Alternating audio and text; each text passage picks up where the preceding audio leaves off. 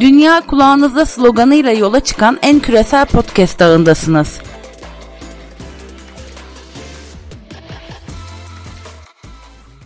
Herkese merhabalar.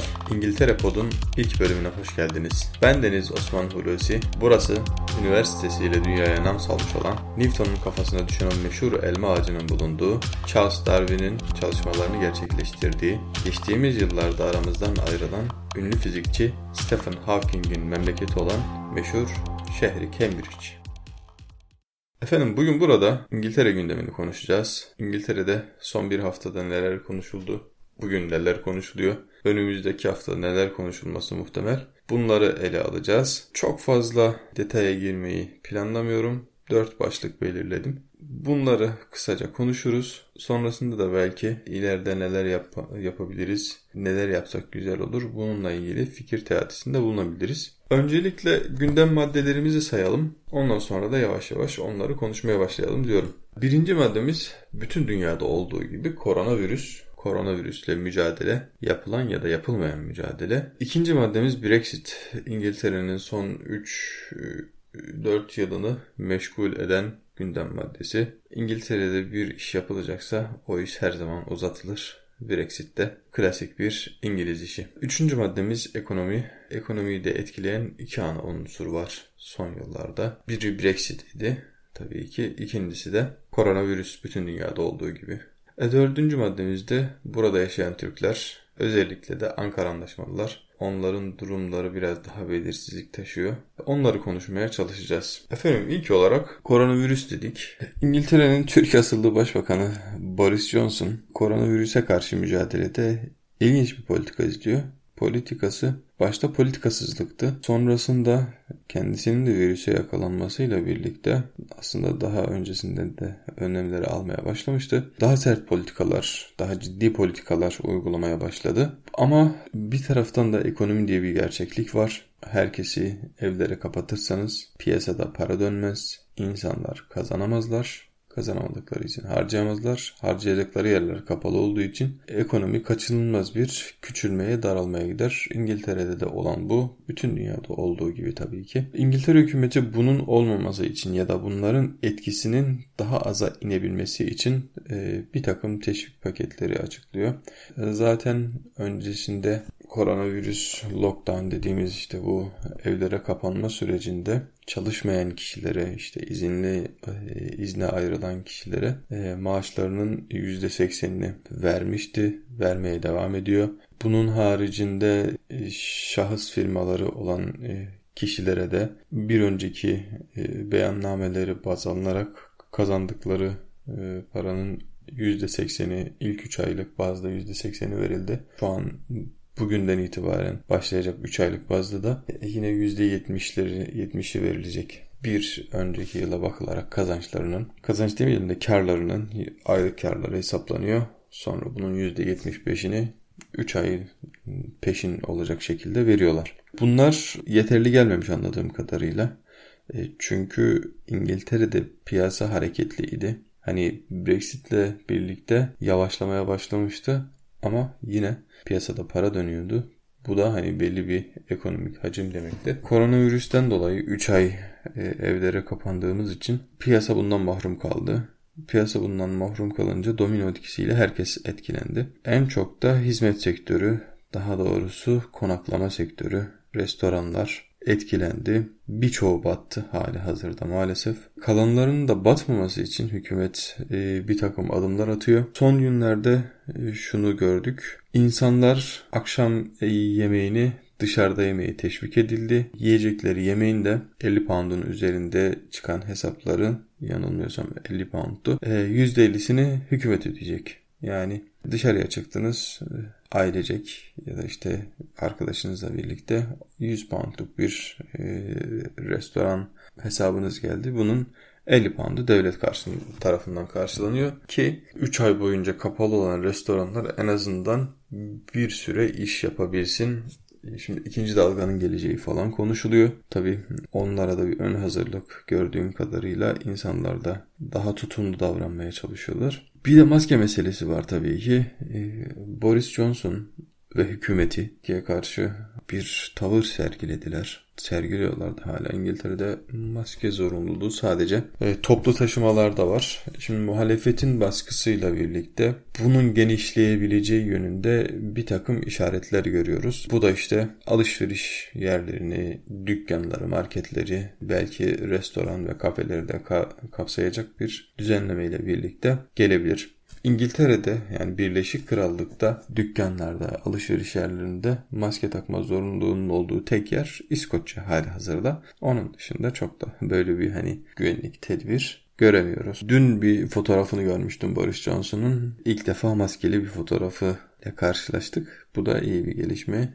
diyebiliriz. Gelelim ikinci maddemize. İkinci maddemiz 2016 Haziran'dan bu yana devam eden Brexit süreci yani İngiltere'nin Avrupa Birliği'nden ayrılma, ayrılamama, ayrılmaya çalışma hikayesi. Şu ana kadar iki başbakan yedi Brexit. Birçok kabine değiştirdi. Hala tamamlanmış bir süreç değil. Boris Johnson bu süreci çözer, bu düğümü çözer diye seçildi. Büyük de bir çoğunlukla seçildi. Şimdi Boris Johnson'un bu işi çözmesini bekliyoruz. Boris Johnson'un son söylemini incelediğimizde Theresa May'i siyasi olarak mefta eden söylemden bir farkını göremiyoruz açıkçası. Ama söylem dışında durum olarak bir fark var. Eli daha güçlü Boris Johnson'un diyebiliriz. Boris Johnson en son Almanya'ya yönelik olarak gümrük anlaşmasız bir Brexit'e hazır olduklarını yineledi. Hala Avrupa Birliği ile gümrükler konusunda bir pazarlık bir çekişmenin sürdüğünü görebiliyoruz. Onun dışında İngiltere Avrupa Birliği'nden gelecek olan kişilere yönelik olarak hava alanlarında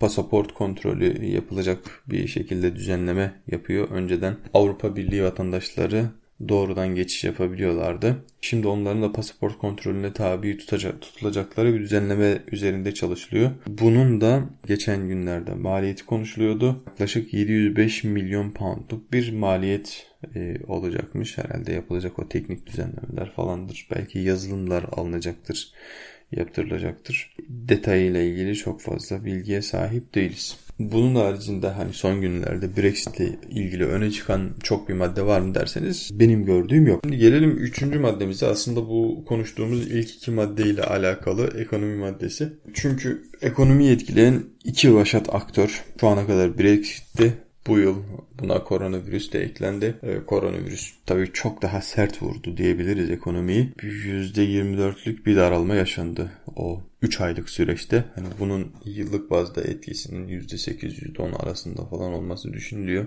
Öyle öngörülüyor. Hükümet bunu azaltabilmek için elinden geleni yapıyor tabii. İngiltere ekonomisinde önemli bir daralma var dedik. Bu birçok işsiz demek. Birçok işletmenin hali hazırda e, battığını yani hani koronavirüs lockdown'ı ile birlikte kapılarını kapatan birçok işletmenin lockdown bitmesinden sonra bile artık açılamadığını gördük. Çünkü bir takım işletmeler hani gelir ve borç düzenini oturtamadığını varsayarsak, günlük gelire dayanarak borçlandığını varsayarsak, günlük gelir bir anda durduğunda borçlarını ödeyemeyip temerrüde düşmüşlerdir. Muhakkak çevremizde de o tür örnekleri görebiliyoruz. Ee, birçok işletme battı. Bir işletmenin batması sadece onu işleten e, kişiyi etkilemiyor. Orada çalışan bütün insanlar bir anda işsiz oluyor.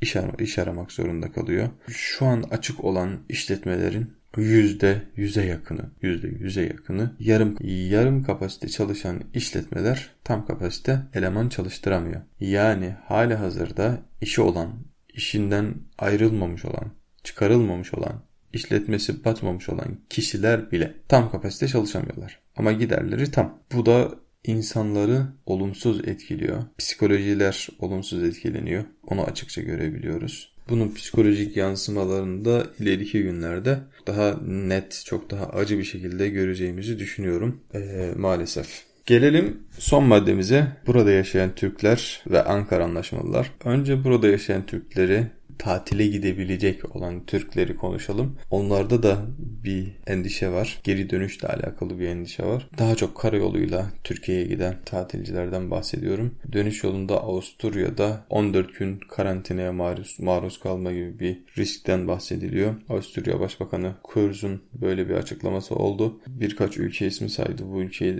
bu ülkelerde bizim gurbetçilerimizin dönüş güzergahı üzerinde olan ülkeler. Bu ülkelerden gelen insanlar 3 şekilde Avusturya'dan geçebilirler dedi. Bunlardan biri 14 günlük karantina. Diğeri 2000-2500 euroluk bir cezadan bahsetti. Üçüncüsü de son 48 saate ait olan negatif olduğunu gösteren koronavirüs testi. Gurbetçilerimize burada uzun yıllardır yaşayan insanları saran endişe bu. Bunun haricinde Ankara anlaşmalarına biraz değinmek istiyorum. Ankara Anlaşması İngiltere ile Türkiye arasında çok daha yaygın kullanılan ama aslında İngiltere ile Türkiye ile bütün Avrupa Birliği arasında olan bir anlaşma. E, nedir bu anlaşma diyecek olursak 1973'te yapılan bir anlaşma Turkish Business Person diye kategorilendirilmiş İngiltere'de. Türk iş insanı nedir? Bir iş fikri olan Türkiye Cumhuriyeti vatandaşı, her Türkiye Cumhuriyeti vatandaşı e, İngiltere'de ben iş kuracağım dediğinde